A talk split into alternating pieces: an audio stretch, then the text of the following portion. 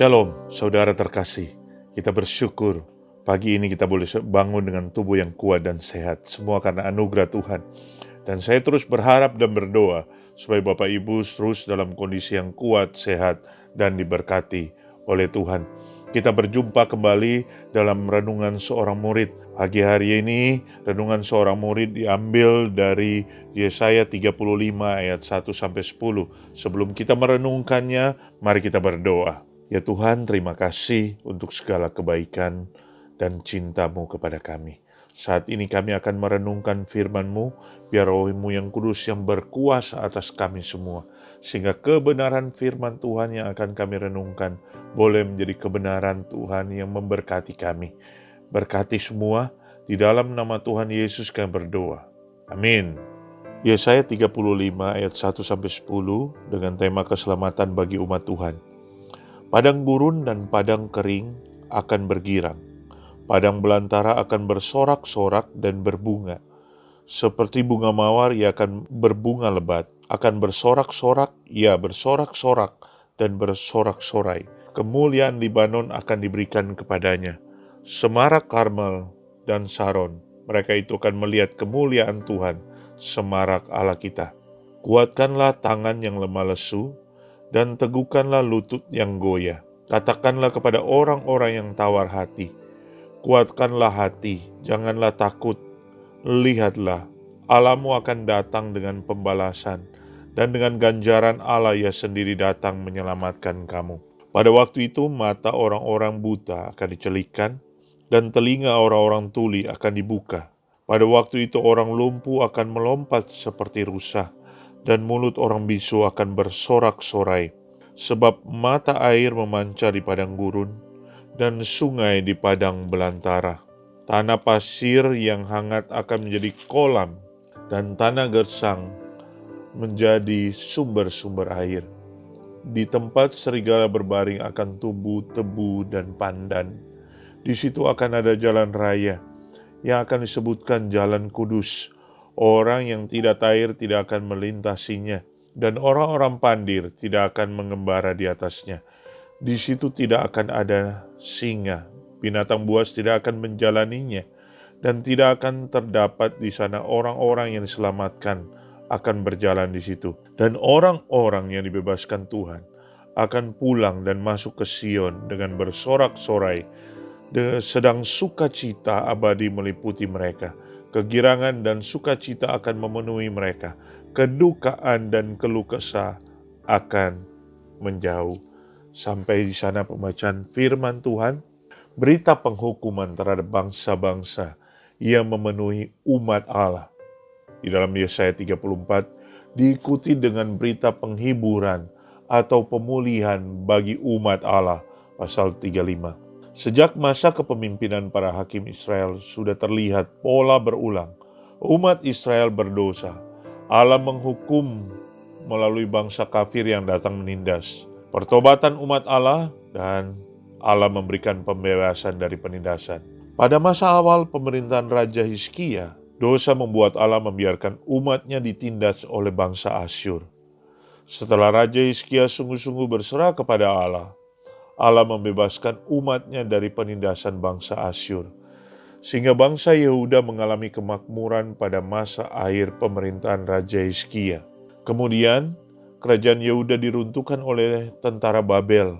Pemulihan terjadi saat rakyat kerajaan Yehuda yang dibuang ke Babel kembali ke Yerusalem, yaitu setelah Babel ditaklukkan kerajaan Media Persia. Akan tetapi, uraian tentang pemulihan dalam pasal 35 ayat 5 dan 6 yaitu orang-orang buta akan dicelikan dan telinga orang-orang tuli akan dibuka. Orang lumpuh akan melompat orang bisu akan bersorak-sorai. Menuju kepada masa depan itu saat kedatangan Tuhan Yesus yang pertama. Dan berlanjut menuju saat penggenapan total di air zaman itu saat Tuhan Yesus datang untuk kedua kalinya saat kedatangan Tuhan Yesus pertama kali, tanda-tanda pemulihan tampak melalui berbagai mujizat yang dikerjakan Tuhan Yesus. Setelah Tuhan Yesus naik ke sorga, dia mengirimkan roh kudus untuk mengerjakan pembaruan dalam hidup orang yang percaya. yang membuat orang percaya bisa memancarkan buah-buah roh bagaikan mata air di padang gurun dan bisa hidup dalam kekudusan. Yesaya 35 ayat 6 sampai 9. Pemulihan memuncak saat Tuhan Yesus datang kedua kali. Sukacita saat bangsa Yehuda kembali dari pembuangan di Babel hanyalah gambaran dari sukacita kekal saat Kristus datang kedua kali pada pasal 35 ayat yang ke-10. Nah, di dalam bacaan yang kita bahas ini, saya ingin menyimpulkan dua hal. Yang pertama, bahwa Tuhan itu mendengarkan orang-orang yang percaya kepadanya. Ketika orang-orang percaya atau remnan pada saat itu datang kepada Tuhan, berdoa kepada Tuhan, memohon pemulihan daripada Tuhan, memohon pertolongan daripada Tuhan maka Tuhan mendengar. Tuhan mendengar. Tuhan berkata bahwa nanti orang buta akan dicelikan, tuli akan dibukakan sehingga dia mendengar, lumpuh berjalan akan melompat, bisu akan bersorak-sorai dan memuji Tuhan. Nah perkataan firman ini dalam Yesaya 35 ini mempunyai makna sebetulnya lebih kepada spiritual akan pemulihan manusia yang berdosa di hadapan Allah. Tetapi ketika Yesus datang pertama kali, ketika dia datang ke dunia ini, Tuhan Yesus menyatakan kerajaan Allah sudah hadir. Yaitu dengan apa? Dia benar-benar membuat orang buta itu bisa melihat. Mereka bisa melihat secara spiritual, mendengar secara spiritual, berjalan secara spiritual dan mereka bisa berbicara memuji Tuhan, bukan hanya secara fisikal, tetapi juga secara spiritual, karena mereka menyadari siapa pribadi Tuhan Yesus. Dan ini luar biasa sekali. Luar biasa sekali. Bahwa Tuhan mendengar doa-doa orang remnan atau orang-orang percaya pada saat firman Tuhan ini diberitakan oleh Nabi Yesaya. Ada orang-orang yang masih percaya kepada Tuhan. Dan ketika mereka meminta pertolongan daripada Tuhan, meminta Tuhan memberikan kelepasan, Tuhan mendengarkan. Bapak, ibu, saudara, dan itu bukan hanya pada waktu yang lampau.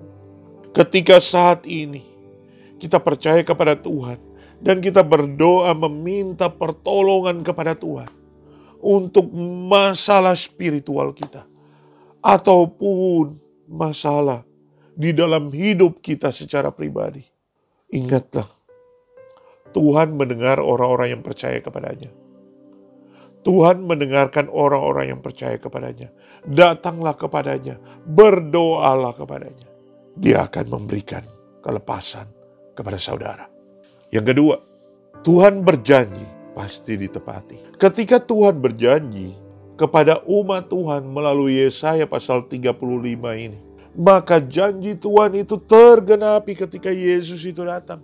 Tetapi ada janji yang nanti akan digenapi pada saat kita hidup bersama dengan Tuhan selama-lamanya. Itu ketika Tuhan Yesus datang kedua kalinya.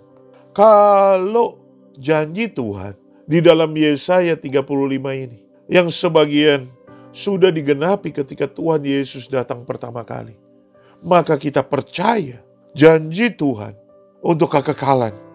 Kita hidup bersama dengan dia selama-lamanya di dalam sukacita dan kebahagiaan yang kekal.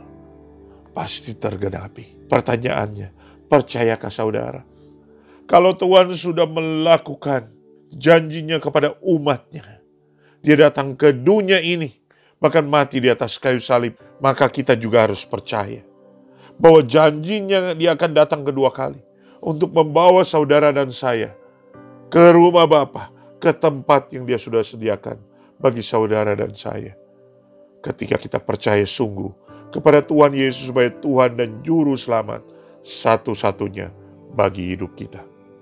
Masa depan akan menjadi masa yang penuh berkat bagi saudara dan saya ketika kita mengakui Tuhan Yesus sebagai Tuhan dan Juru Selamat satu-satunya dalam hidup kita.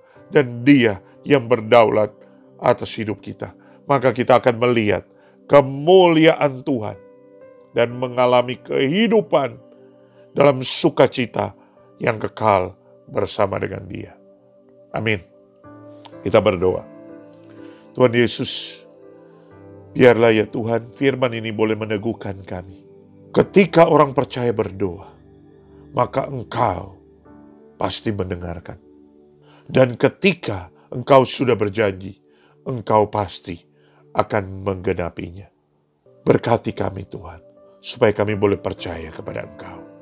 Di dalam nama Tuhan Yesus kami berdoa. Amin. Tetap semangat, tetap sehat, tetap percaya. Tuhan Yesus memberkati kita semua. Amin.